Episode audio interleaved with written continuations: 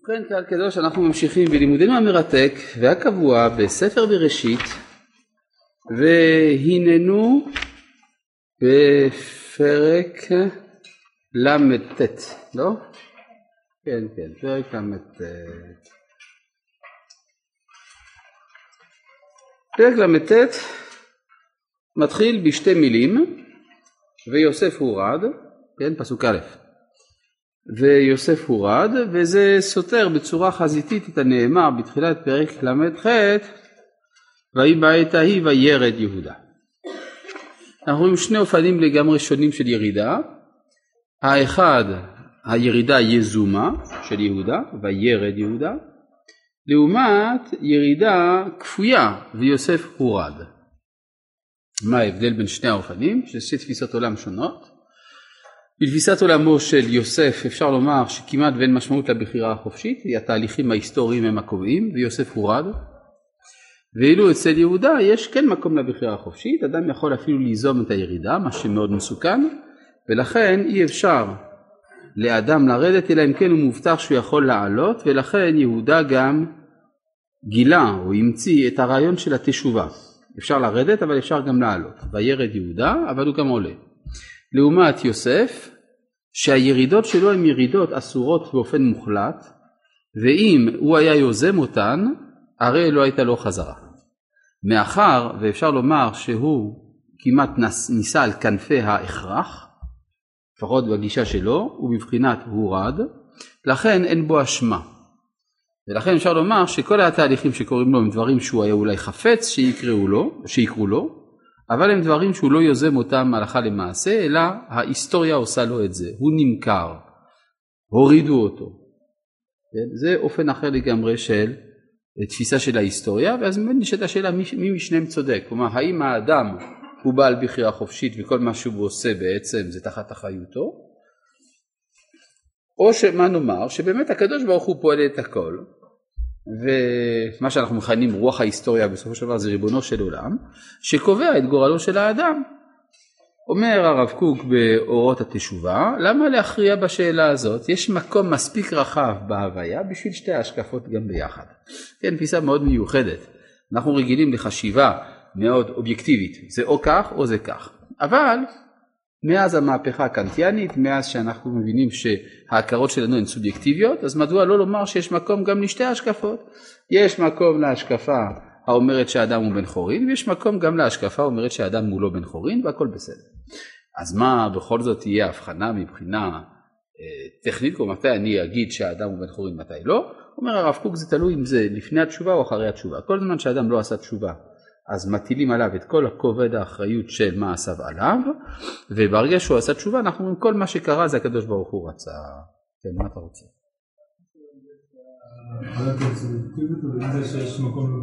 אה, כלומר אם ההכרה שלי סובייקטיבית אז אין אמת אובייקטיבית.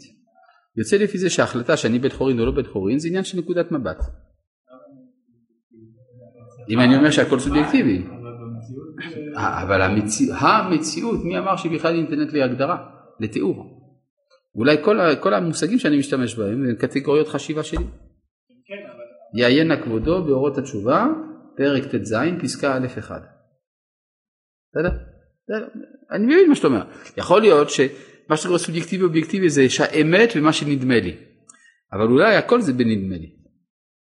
למשל ישנה שאלה, פעם מישהו מאוד מבוהל שאל אותי, תגיד מי אמר לי שהמציאות היא לא חלום? אמרתי, ואם היא חלום אז מה? זאת אומרת, אבל זה המציאות שלך. כן. אמ, אז בואו נראה, ויוסף הורד מצרימה ויקנהו פוטיפר. סריס פרעה, שר הטבחים איש מצרים יד השמעאלים, אשר, הרי למדנו את כל הפסוקים האלה, לא? לא למדנו אותם, בסדר.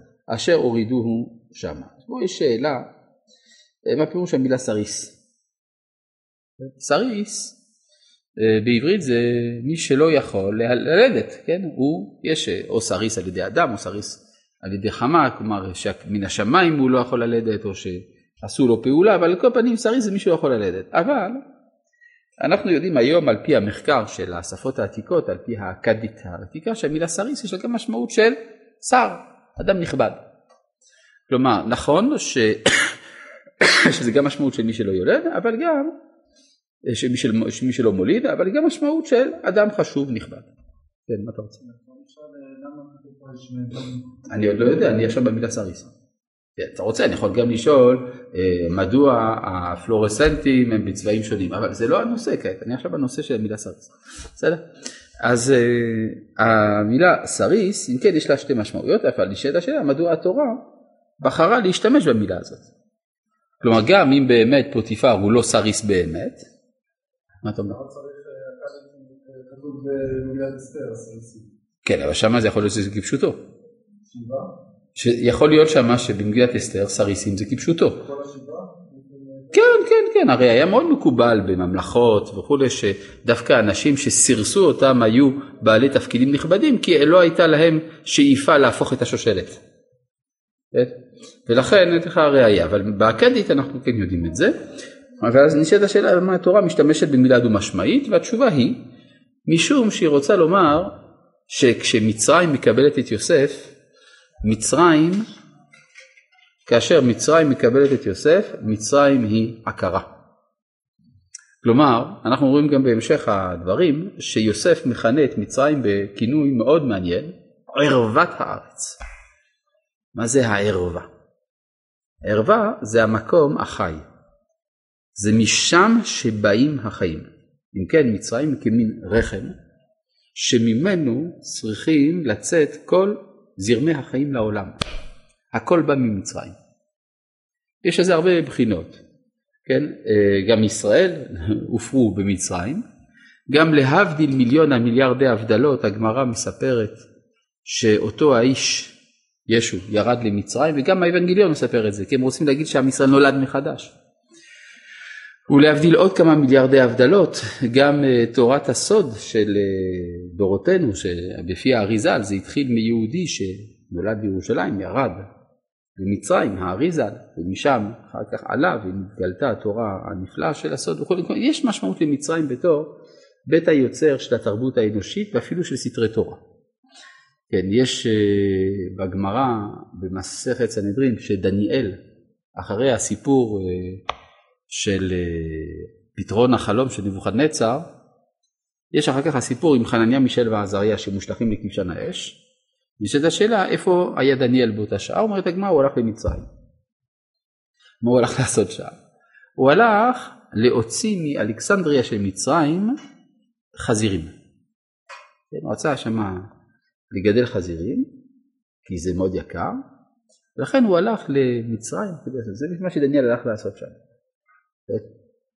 נראה לכם?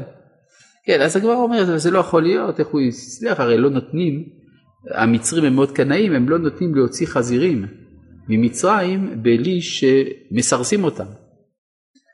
אז, אה, או שחותכים את האם, כלומר את, ה, את הרחם. אומרת הגמרא, לא, הוא לקח קטנים בתוך הכיס, אף אחד לא שם לב, אחר כך כדי לגדל. כן, אז צריך להבין שהחזיר זה, זה בחז"ל ביטוי לעשירות, לקה דעתיר מחזירה. אין יותר עשיר מן החזיר, בגלל שכל הגוף שלו מלא. אה, בבשר, אבל כל כולו נאכל, וכל כולו יש לו שימוש, גם לעור של החזיר, אפילו לשערות של החזיר יש שימוש. כן, החזיר זה העושר. אז אם כן, גם דניאל הבין שצריך להוציא משהו ממצרים באותה שעה, לא ניכנס כעת לכל הסוגיה שם. עכשיו, מה ש... אה, אז אם כן, יוסף יורד למצרים, והוא בתור הזרע המפרה את מצרים. אתם זוכרים את החלומות שלו? הוא רצה שאחיו יתקנו את כל העולם כולו דרך הכלכלה, זה החלום הראשון, הננו המעלמים עלומים בתוך השדה, והוא רצה שהם ישמשו ככוכבים מאירים בחשכת הלילה, כשהלילה זה הגלות, אם כן הוא רצה שמשפחת אברהם תרד למצרים, כדי להפרות אותה ומכוח זה להאיר את העולם כולו. ומאוד מעניין, הוא נקנה על ידי סריס. כלומר, מצרים כבר לא מסוגלת להוליד משהו, היא זקוקה ליוסף. עכשיו אנחנו מבינים מדוע אותה אישה מצריה רצתה כל כך את יוסף. היא רצה את יוסף בתור מי שיכול לגאול את מצרים. זה, זה בעצם העומק שמסתתר מאחורי החטאים הנוראים של אותה אישה, אבל החוטאים הם גם באים בשם איזושהי אינטואיציה של קודש, שהיא המחזקת אותם בחטאם. ומכאן העוצמה האדירה שיש ליצר הרע. בואו נראה מה שנאמר כאן. ויקנהו פוטיפר סריס פרעה, שר הטבחים. מה זה שר הטבחים? מה זה טבח? הכוונה מי שמביא את האוכל, מי שמזין, מי שמזין את בית פרעה. כל בית פרעה מתחיל עם שר הטבחים. איש מצרי מיד הישמעאלים אשר הורידו שם. ויהי השם את יוסף ויהי איש מצליח ויהי בבית אדוניו המצרי. כלומר מכאן ואילך מתחיל יוסף לתפקד בתור, אה, בתור היהודי החצר שמצליח. כן בבקשה. מה השאלה שלך אדוני? אה זה הפסוק הקודם כבר. אה, כן. למה כתוב הישמעאלים? כן, אבל לכאורה, אני לא מבין. הרי מצ... אה, ביוסף הוא נקנה, המדיינים הוציאו אותו מן הבור, מכרו אותו לישמעאלים. נכון, נכון, נכון. ובפסוק הקודם, בסוף פרק ל"ז כתוב, לכאורה משהו אחר, והמדנים מכרו אותו אל מצרים לפוטיפר סריס פרעה שר הטבחים. אז אולי מדנים זה לא מדיינים וזה כינוי לישמעאלים, זו אפשרות אחת. אפשרות שלישי, שנייה זה מה שרש"י אומר, פעמים הרבה נמכר. אפשרות נוספת לומר ש, שמידי הישמעאלים זה מי שמכר אותו בפועל, והמדנים מכרו אותו אל מצרים, זה כמו שבגרמתם נמכר. ואפשרות נוספת היא לומר שהמדיינים זה המובילים והישמעאלים זה הסוחרים. כן? כלומר יש לכל הסוחרים יש, יש משאיות והם משכירים חברת משאיות עם נהגים אז הנהגים זה המדיינים הסוחרים זה הישמעאלים ואז הם אה, עושים עסקים ביחד גם זה יכול להיות בסדר? אפשרויות רבות יש כן בבקשה למה כתוב, מאיפה כתוב פעמיים מצרי? כן, זהו. אז אתה אומר, למה כתוב פעמיים איש מצרי? האמת היא, זה, לא, זה לא באותו פסוק, איש מצרי בפסוק הזה, פסוק הזה. אבל האמת היא שכאן מסתתר איזה אלמנט של הפשט מאוד משמעותי. מי זה האיש המצרי, אדוניו המצרי, נדייק, אדוניו המצרי שבפסוק ב', האם זה זהה לאיש מצרי שבפסוק א'? מה אתה אומר? האישה שמנסה לפתות את יוסף, מי היא? אומרים תמיד אשת פוטיפר, נכון? אבל אם תסתכלו בכל הפרשה זה לא כתוב. אם תחפשו, תראו, זה, זה לא כתוב. כן? ויהי איש מצליח ויהי בבית אדוניו המצרי. מי זה אדוניו המצרי? הוא היה בבית האדון המצרי שפוטיפר שם אותו, אותו שם. פוטיפר הוא שר הטבחים, הוא קונה עבדים. הוא לא קונה דווקא את העבד הזה בשביל הבית האישי שלו. הוא אומר, טוב בסדר, קניתי עבדים, הוא מחלק אותם בין עבדיו. כלומר בין המשרתים, הפקידים שתחת שר הטבחים, גם הם צריכים עבדים. אז יוצא לפי זה שהאיש המצרי שם את יוסף בבית אדוניו המצרי. אז יוצא לפי זה שזה לא אותו אדם, יוצא לפי זה שהאישה מנסה לפתות את יוסף איננה אשת הסריס, ואז נוכל אפילו לקבל את המילה סריס כפשוטו, אלא היא אשת אדוניו המצרי שתחת מרותו של פוטיפר. מובן? אתה איתי או לא? הרי אם הוא סריס, אם הוא כפשוטו אז איך יש לו אישה? נכון? אתה איתי או לא? לא, אז, אז אני חוזר פה לנקודה, אז שתבין אותי, מה? אה. כן, נו אבל? לא הבנתי. מה לא הבנת? למה אפשר? זה אין לו יכולת להביא ילדים, אבל יכול להיות שתהיה לו אישה. לאו דווקא, תלוי מה זה סריס. סריס של, הזמן העתיק, הכוונה שאין לו אברי רבייה גם. אם אין לו אברי רבייה, אז אין לו אישה. לסריסים לא היו נשים. אז לכן, אפשר, אם רוצים באמת לשמור את המושג סריס כפשוטו, אז יוצא לפי זה גם שהאישה באמת היא אשת אדוניו המצרי ולא אשת הסריס. ואז הכל מסודר. אז למה בכל המדרשים וגם רש"י תמיד אומרים אשת פוטיפר? למה? כי באמת זה כמו אשת פוטיפר, זה לא משנה. כלומר, זה שטכנית היא לא אשתו של פוטיפר, אבל זה כאילו היא אשת פוטיפר. אבל? כן, בבקשה.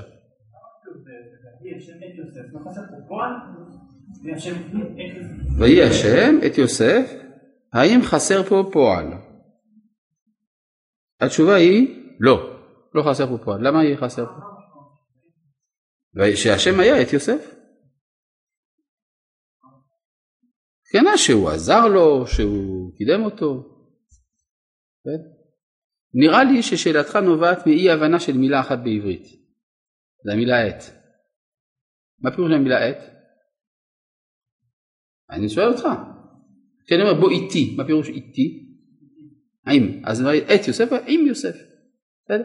ואז מילא השאלה נופלת. בסדר? טוב. ויהי השם את יוסף, ויהי איש מצליח, ויהי בבית אדוניו המצרי. וירא אדוניו, כי השם איתו, וכל אשר הוא עושה, השם מצליח בידו. עכשיו שימו לב, יש עוד משהו. אני רוצה לחזור לפסוק א'. ויוסף הורד מצרמה וקטיעו פוטיפר סריס פרעה, שר הטבחים, איש מצרי. הביטוי הזה, איש מצרי, מוכר לנו מאוד מקומות. משה רבנו, יפה. איש מצרי הצילנו מיד הרועים, איש מצרי זה כינויו של משה. אבל זה לא, פה זה לא משה שקנה אותו. מי שקנה אותו זה פוטיפר. אבל פוטיפר הוא עכשיו איש מצרי, אבל עוד מעט יהיה עוד מישהו שיהיה איש מצרי במקומו. וזה יהיה משה. כלומר, התכונה הזאת של להיות איש מצרי הולכת ונקנית על ידי העברים. זה מתחיל על ידי זה שיש עברי אחד שמצליח בבית אדוניו המצרי. וזה יצליח כל כך עד שבסוף הגואל יהיה איש מצרי והוא משה. עד כאן מובן? יוצא מזה שהנסיבות ההיסטוריות הכריחו אותנו להיגאל על ידי אדם שאימץ את התרבות המצרית, איש מצרי. עד מתי? עד שיוכה האיש המצרי. מי היכה את האיש המצרי? לא יכול להיות, משה לא מכה את עצמו.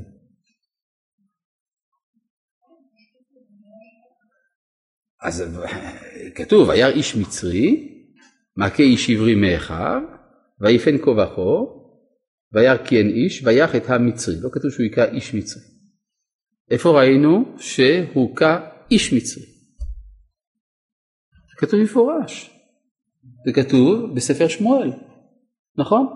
ובניהו בן יהוידע בן איש חי מקבצאל והוא היכה את הארי בתוך הבור ביום השלג, הוא היכה את איש מצרי ויגזול את החנית מיד המצרי ומנור חניתו כמנור הורגים. נכון? יש פסוק כזה בשמואל. שבניהו בן יהוידע היכה את האיש המצרי. אומרים חז"ל, מי זה האיש המצרי שבניהו בן יהוידע היכה? משה. ככה אומר הזוהר. יש קצת בעיה כי הסיפור הזה מתרחש כמה מאות שנים אחרי שמשה כבר מת, מה זה החנית שהוא צריך לגזול. אז חז"ל אומרים לו, הכוונה שהוא היה אדם גדול בתורה בניהו בן יהוידע, הוא היה כל כך גדול שהוא היה יותר גדול ממשה, ולכן זה הכוונה שהוא היכה את איש מצרי, שהוא לא נמצא כמוהו לא בבית ראשון ולא בבית שני, ושהוא היה גדול בתורה בכל המובנים וכו' וכו'. מה זה בא לומר שיש אדם בישראל שהוא גדול ממשה, אז יכול להיות. הכוונה שהוא מחובר אל מישור של תורה שלפני ההיסטוריה. כלומר זה שההיסטוריה מגלגל, מגלגלת לנו את התורה דרך איש מצרי זה בגלל הנסיבות ההיסטוריות. אבל יש אנשים בעולם שלמעלה מההיסטוריה. זה למשל אנשים כמו בניהו בן יהוידע. אתם רואים שהסיפורים הם, כן, הם ארוכים, הסיפורים האלה של איש מצרי, אבל זה רק היה בדרך אגב. טוב, פסוק ג' וירא אדוניו כי השם איתו. למה אני בכלל מספר לכם את זה? כדי שתתרגלו קצת למושגים האלה. טוב, וירא אדוניו כי השם איתו, וכל אשר הוא עושה השם מסר בידו, וימצא יוסף חן בעיניו. וישרת אותו, ויפקידהו על ביתו, וכל היש לו נתן בידו. ויהי מאז הפקיד אותו בביתו ועל כל אשר יש לו, ויברך השם את בית המצרי בגלל יוסף. ויהי ברכת השם בכל אשר לו, אשר יש לו בבית ובשדה. זה דבר אופייני לכל מקום שבו הגיעו יהודים בחיי גלות. בחיי הגלות יש תמיד הבחנה כזאת של המושלים שהיהודי מביא ברכה כלכלית. יש אפילו אה, תזה כזאת של אחד מהכלכלנים הגרמנים בשם זומברט. זומברט. זה השם שלו, אני אעשה. זומברט. הוא כתב תזה שלמה לפיה היהודים הם הגורם של הברכה הכלכלית בעולם.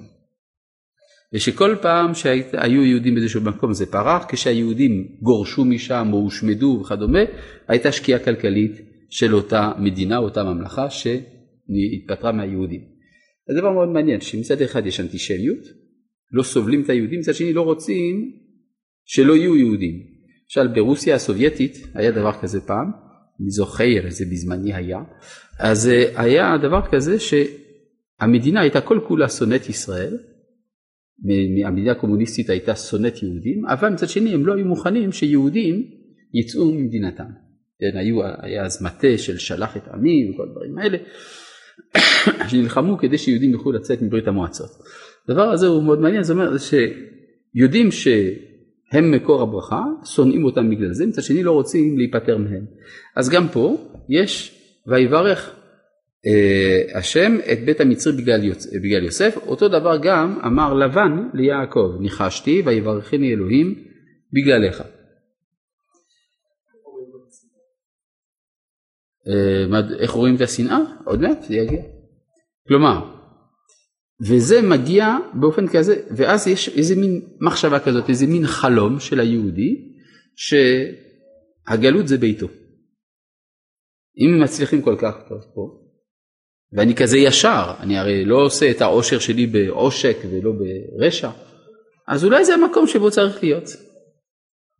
אבל יש דבר אחד שאתה לא תוכל להשיג, אתה לעולם לא תהיה רשאי להשתלט על גרעין החיים של אותה התרבות. זה לא שלך. אנחנו רואים את זה בהמשך, אני קצת מקדים את המאוחר, כאשר יוסף עושה מהפכה כלכלית בכל מצרים. והוא קונה את כל האדמות, מלאים אותם והופך אותם לאדמות של פרעה. רק אדמת הכהנים לא הייתה לפרעה. זאת אומרת, יש איזשהו גרעין בסיסי של אותה האומה, לו"ז החיים, שעליו אתה לא תוכל להשתלט. ומאחר ואתה לא יכול להשתלט עליו, אין סיכוי באמת שתצליח במבצע הזה של תיקון העולם דרך אותה התרבות שבתוכה אתה פורח. אותו דבר, יש בבית פוטיפר גורם אחד שאתה לא יכול להשתלט עליו, זה אשתו. היא לא שלך. וזה מה שיכול להפיל אותו. כן, מה?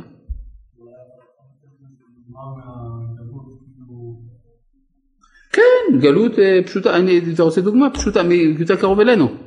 כן, היה במאה ה-19 התחיל תהליך של האמנציפציה של היהודים, מכיר?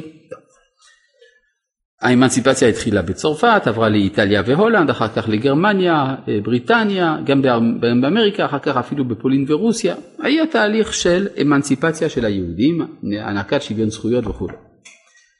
ואז קמה דעה מאוד מעניינת, דעתו של הרב שמשון רפאל הירש, שכיוון שהגויים התחילו להיות נחמדים, אז הגלות הופכת להיות נסבלת, ומכאן ואילך הגיע הזמן סוף סוף לחיות בגלות.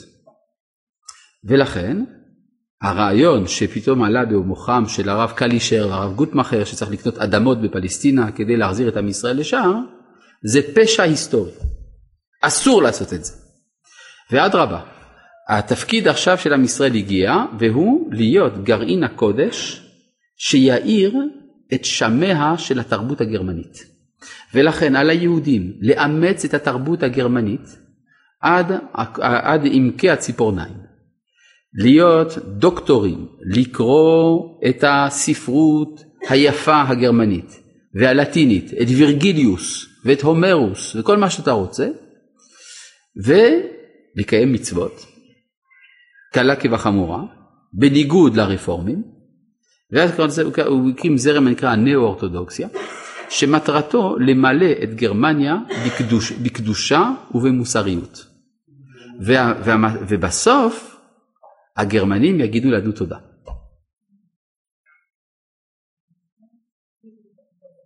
כן, יש לי הרגשה, אני לא זוכר מאיפה, שיש משהו בהיסטוריה שסותר את התזה. אה? אני רואה גם, גם בתורה, ויקום מלך חדש על מצרים, אשר לא ידע את יוסף, הוא לא רוצה לדעת עליו, לא רוצה לשמוע, למה? יש עיקרון גדול בפסיכולוגיה של גרוש, אבל הוא, הוא, הוא עיקרון ידוע ואמיתי, שהאדם לעולם לא יסלח על טובה שעשו לו. זה שעשית לי רעה, אני מסוגל לסלוח. אבל אם אתה עושה לי טובה, אני לא אסלח לך. בחיים. כי על ידי הטובה שעשית לי, במיוחד אם זה משהו שהציל את החיים שלי, אני הפכתי להיות משועבד לך. חדרת לתוך המרחב שלי. זה מאמץ אדיר לסלוח לך. או? כן. כן, כל מה שאמרתי זה כתוב בספרים של הרב הירש, אה, באגרות צפון, הנקרא עם 19 אגרות, וגם בספר חורב, וגם בעוד כמה מקומות. כן? בפירוש שלו על הסידור, יש כמה דברים כאלה. כן, בבקשה. אני לא המצאתי את זה, זה לא... כן, ברור. כן. 아, מה המקורות של התזה של הרב הירש? יוסף. יוסף זה בדיוק זה. אצל יוסף זה לא עבד, זה משהו לא שם לב. כן, כן, אבל זה בדיוק, כלומר, יוסף הוא אותו מרכיב בזהות היהודית שרוצה את השיטה הזאת. מעשה אבות, סימן לבנים. בסדר? ולא יודע, כנראה שיש לו נסיבות מקילות, אני לא יודע אם אנחנו היינו חושבים אחרת, היינו בתנאים האלה. כן.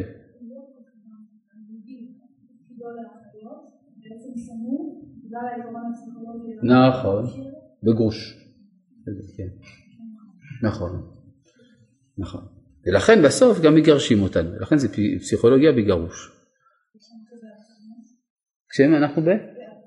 בארצנו אנחנו מהווים מקור אורה לעולם, גם זה מושך אנטישמיות, אבל אנחנו חזקים. בסדר? אבל זה יכול להגיע עד מתח אדיר שמתבטא במלחמת גוג ומגוג. ובמלחמת גוג ומגוג עלול משיח בן יוסף להיהרג. הוא מוחלף על ידי אישיות כללית, מאשר בן דוד. כן. טוב בואו, אה, אתם רואים שפה המגמות המשיחיות למיניהן, לסוגיהן, מתחילות בתקופה הזאת, בתקופה של יוסף. כלומר ברגע שמישהו, נציג של בית יעקב, נמצא בתוך האווירה של הגלות, אז השאלה של מה עושים הופכת להיות מרכזית. כלומר, מה עושים לתקן את העולם? אז קודם כל מתחילים לתקן את בית המצרי. איפה שאני נמצא, שם אני פועל, שם אני מתקן. ויעזוב, פסוק ו', ויעזוב כל אשר לא ביד יוסף, ולא ידע איתו מאומה. כי אם הלחם אשר הוא אוכל. מי זה? זה אשתו. כן? כלומר זה לשון נקייה. ויהי יוסף יפה תואר ויפה מראה, ויהי אחר הדברים האלה, ותישא אשת אדוניו את עיניה אל יוסף, ותאמר שכבה עמי. חריף, כן? זה לא ביטויים ככה, זה, זה בוטה, גס מאוד. מה היא רוצה ממנו? אז הסברנו. היא רוצה ממנו את הכוח המפרה. היא מרגישה שהוא יביא את הברכה למצרים. חז"ל אומרים שהיא כמעט צדקה, אבל לא לגמרי. היא הבינה שהבת שלה, הסנאט, בת פוטיפרה, כלומר, היא לא הבינה את זה, זה התברר שהרעיון שלה שיוסף יפרה אותה, יהיה נכון דרך הבת שלה, הסנאט בת פוטיפרה. שהיא לפי חז"ל הבת של פוטיפר, והיא בעצמה הבת של דינה ושכם. איך זה יכול להיות? בת מאומצת, כן? חז"ל אומרים, זה, זה מין מדרשים מאוד, לכאורה, מאוד הזויים, אבל אם אנחנו מבינים את ההיגיון שלהם זה מאוד מסתבר. שכאשר שכם באה אל דינה, היא נכנסה להיריון, נולדה מזה ילדה, שהאחים הפקירו אותה, והיא ירדה למצרים, והיא אומצה על ידי פוטיפר, והיא נהייתה אסנת בת פוטיפרה. יוצא לפי זה שכאשר יוסף מתחתן איתה, הוא בעצם מתחתן עם אחייניתו. ויוצא גם שהוא חשב שהוא מתבולל, ובסוף מתברר שהוא מצא לו יהודייה. כן? כלומר הרבה פעמים אתה מתרחק מבית אבא, ובסוף מתברר שאתה בבית. יש כל מיני דברים שחוזרים אל האדם מדרכים שהוא לא חשב עליהם. עכשיו צריך להבין, דינה, מי זאת? זאת אחות, נכון, שהיא הייתה צריכה להיות יוסף. כן, היא הייתה צריכה להיות יוסף. כן, חז"ל אומרים, שכאשר אה, אה, לאה הרתה את דינה, בהתחלה הייתה בן, והיא אמרה, אוי, מסכנה רחל, עוד בן יש אצלי וזה, טוב, בקיצור, התפללה, הפכה לבת. יוצא לפי זה שדינה זה יוסף נקבי. או? ולכן גם המעשה של אה, שכם ודינה מתרחש במקום של קבורתו של יוסף, באותו מקום ממש. יוצא שאצל דינה ואצל יוסף יש אותו אידיאל, האידיאל להתחבר אל אומות העולם, להביא גאולה לעולם. אז כמובן, הנסיך של אומות העולם, שכם בן חמור, כשהוא רואה את זה, הוא רוצה להשתלט על זה, הוא רוצה להשתלט על כוח החיים הזה. וזה בא לידי ביטוי אחר כך בבת שלו, כלומר באמא המאמצת של ביתו. ומזה בסוף יוצאים שני שבטים, מנשה ואפרים, ומנשה ואפרים משלימים את המספר של השבטים ל-13, במקום השבט ה-13 שהיה צריך לבוא מאומות העולם. בסדר? כן.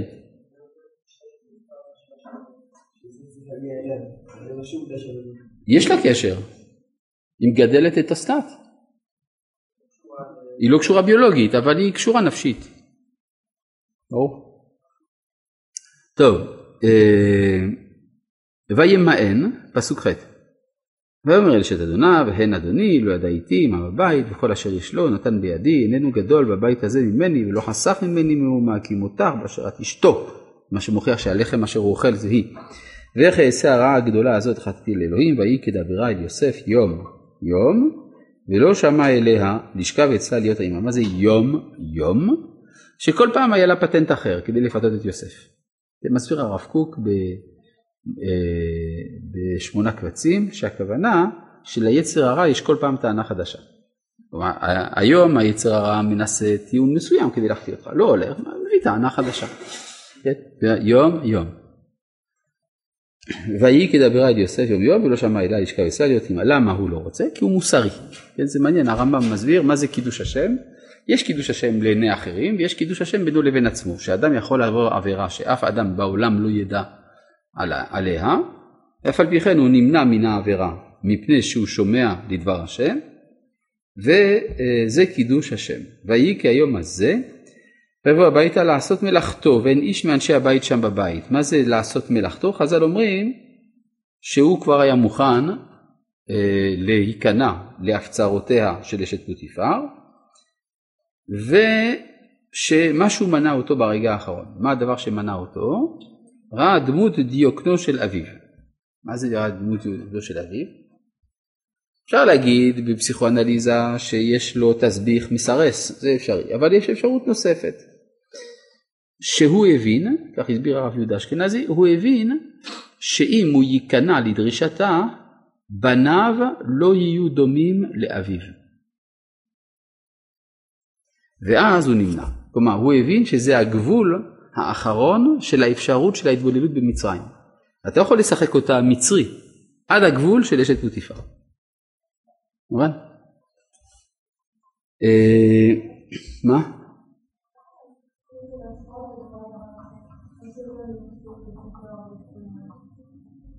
להסביר למה, מה זה יפה תואר ויפה מראה? יפה תואר ויפה מראה, זה גם שהוא מושך. מה מושך? אז יש משיכה פיזית, יש משיכה רוחנית. זה אותו דבר. בימי התנ"ך אין הבדל. כתוב למשל על שרה אימנו שהייתה יפה. למה מספרים לנו שהייתה יפה? בגלל שהיא הייתה צדקת. אצלנו יפה וצדיק זה לא, לא הולך ביחד. אבל אצל הקדמונים יש אחדות של העולם הפנימי מהעולם החיצוני. ולכן גם אה, רואים שבכלל כל האימהות שלנו היו יפות. למה הן היו יפות? כיוון שהן היו בית היוצר של תיקון העולם, ולכן כל העולם רצה אותם. הולך ביחד. בסדר? אה, כן.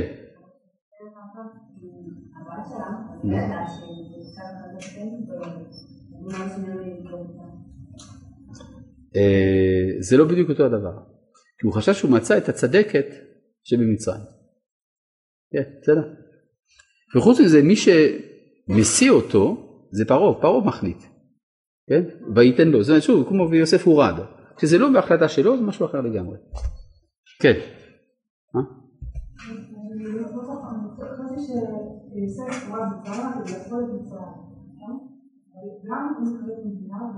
וגם מה? מתחתן עם הבת של דינה, כן. שגם היא עוברת מה שהוא עובר. כלומר הוא עובר התבוללות תרבותית וגם היא. לא, הם נוגעים במצרים בכלכלה. בסדר? לא, זה חשוב מאוד. הם נוגעים בכלכלה, והכלכלה והזוגיות זה כמעט אותו הדבר. הלחם אשר הוא אוכל. ותתפסהו בבגדו לאמור שכבה עמי ויעזוב בגדו בידיו וינוס ויצא החוצה. עכשיו אני רוצה להבין מה זה בגדו. אתם יודעים איך במצרים היו מתלבשים? עם בגד אחד. חתיכת בד אחת. לכן אם הוא עוזב את בגדו אצלה הוא יוצא בלי בגדים בכלל. מה שעוד יותר מגדיל את החשד נגדו. ויהי כראותה כי עזב בגדו בידיו וינוס החוצה. ות... מה?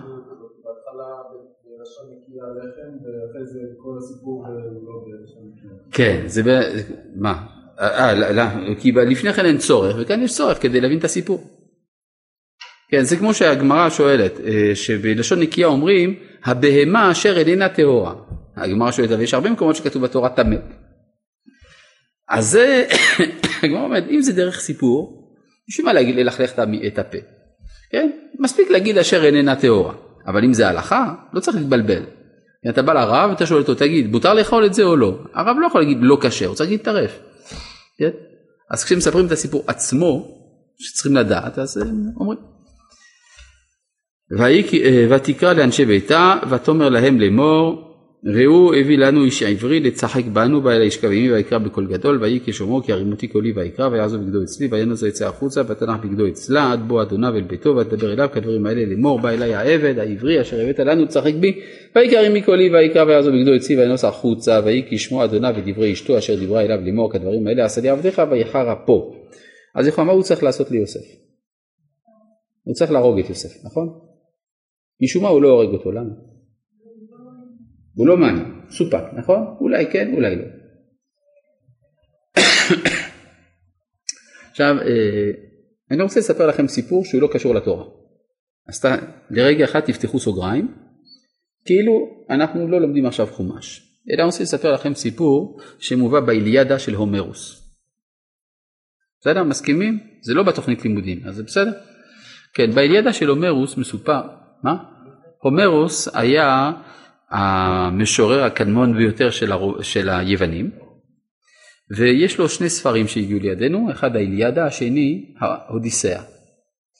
באיליאדה יש תיאור של אפיזודה מסוימת במלחמת טרויה, מלחמה של היוונים נגד העיר טרויה שבאסיה הקטנה,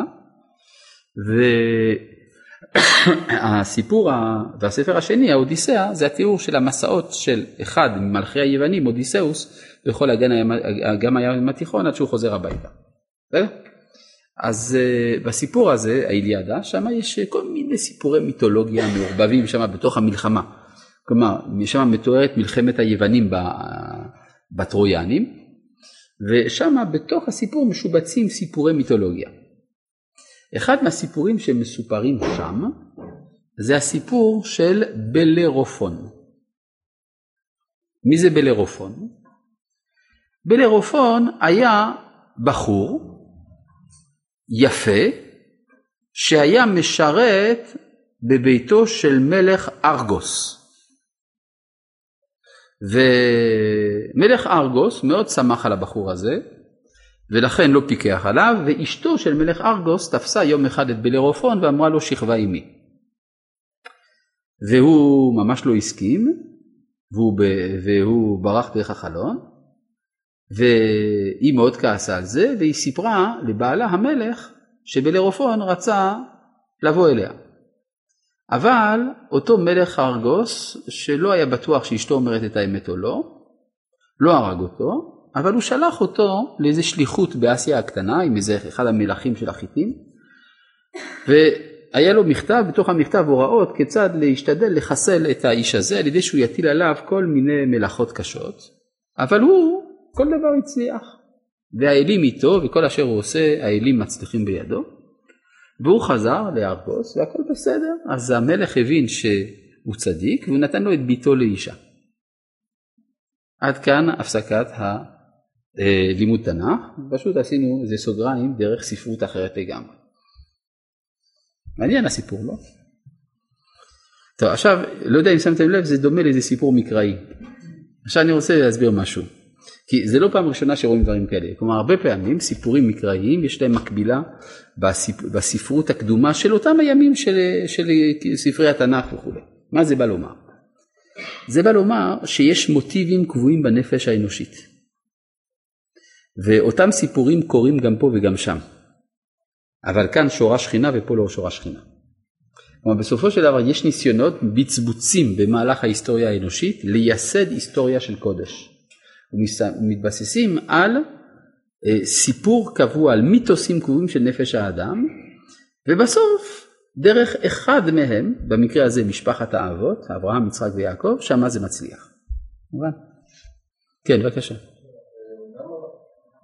מתגלה פה המוטיב שיצר המין גובר דווקא אצל האישה ולא בדרך כלל זה אולי הפוך. היה צריך להיות הפוך, נגיד שהיצר שלא יגבר ושהיא תמאן. כן, משהו כזה. אז למה זה מסופר בצורה הזאת? לפי מה שהסברנו זה, זה מובן, כי הרי מצרים היא נקבית לעומת ישראל. כלומר ישראל באים להפ... להפרות, באים לפעול, ומצרים היא הנפעלת, נכון? לכן הדרישה היא דווקא מצד מצרים. ובזה נבחן יוסף כצדיק, כי אצל, אה, זה יכול להיות שאצלו יותר, זה יותר חזק, כן? ואף על פי כן הוא גובר. זאת אומרת, זה, זה הראייה לעליונות של הרצון על פני הטבע. במובן הזה יש כאן סיפור הפוך מהסיפור של הפיתוי של האדם הראשון בגן עדן. ששם הנחש מפתה את חווה שמפתה את אדם, ופה האדם גובר על הנחש. מצרים כידוע, לפי מה שלמדנו בכמה הזדמנויות, היא הנחש מבחינה תרבותית. כן, בבקשה. היא חוזרת שלוש פעמים על הסיפור. הכיצד? איפה ראית שהיא חוזרת? כן, כל זה כדי לחזור על המילה החוצה. כלומר, החזרות האלה מכוונות, זה כדי לחזור, לחזור על המילה החוצה. כי כל המילה החוצה מופיעה בכל התורה כולה שבע פעמים בלבד, חמש פעמים פה.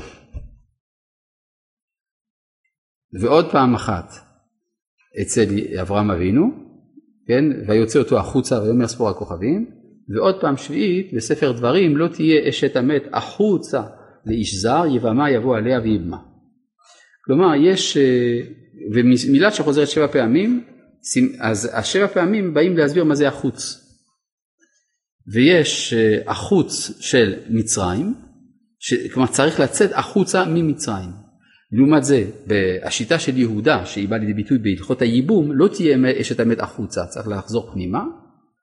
ויש מעל לכל זה התפיסה של אברהם, שהיא תפיסה כללית, שהוא רואה את כל העולם מבחוץ, ואז הוא יכול לדעת מה התפקיד של אומתו.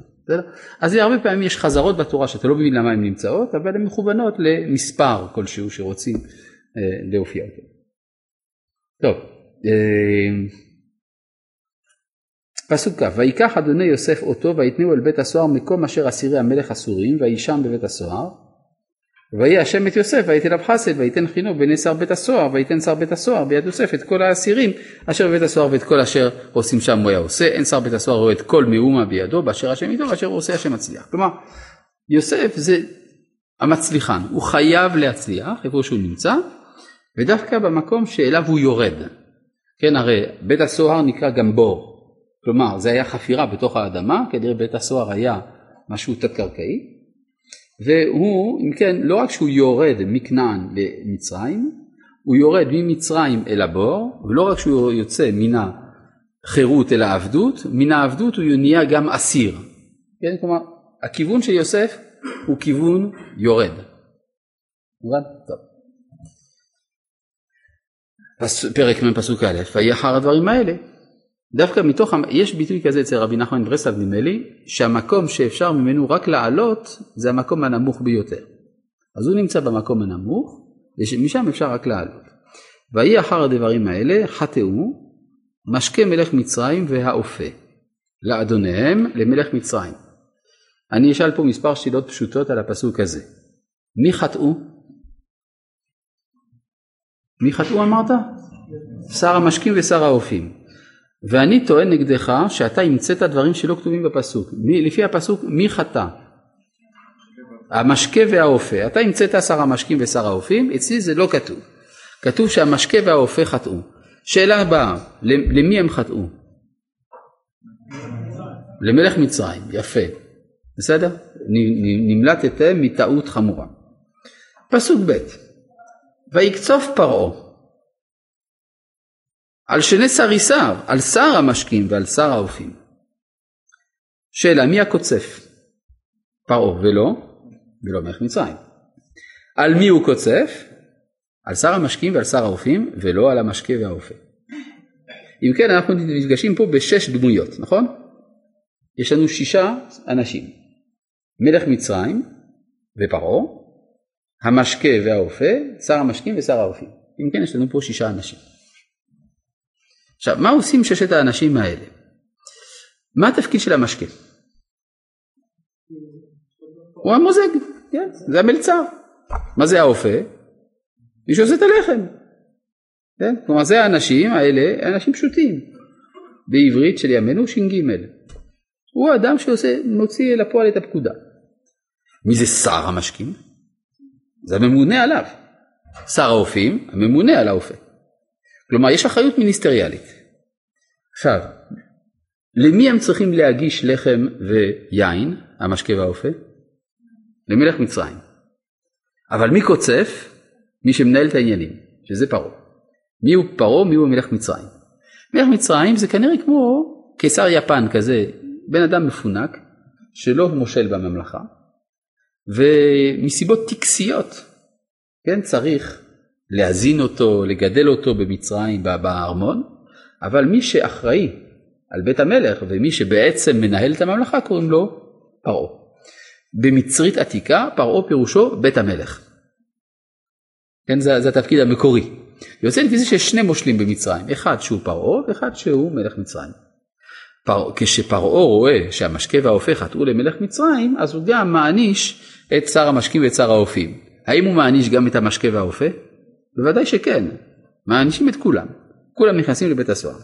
ויתן אותם במשמר, בית שר הטבחים אל בית הסוהר, מקום אשר יוסף אסור שם. ויפקוד שר הטבחים את יוסף וישרת אותם והיו ימים במשמר.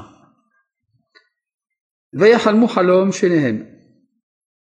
מי זה שניהם? לא כתוב מי. האם זה המשקה והאופה או זה שר המשקים ושר האופי? אני לא יודע, זה, איך אתה יודע שזה המשקה והאופה? ושזה כתוב אחר כך, זה סימן שזה לא אותו הדבר. אם כתוב עוד פעם, כתוב איש כפתרון חלומו, המשקה והאופה של מלך מצרים אשר אסורים בבית הסוהר. אז מי בהתחלה היו שניהם? שר המשקים ושר האופים, כן יש פה ארבעה חולמים, נכון? ככה אני מבין. מה?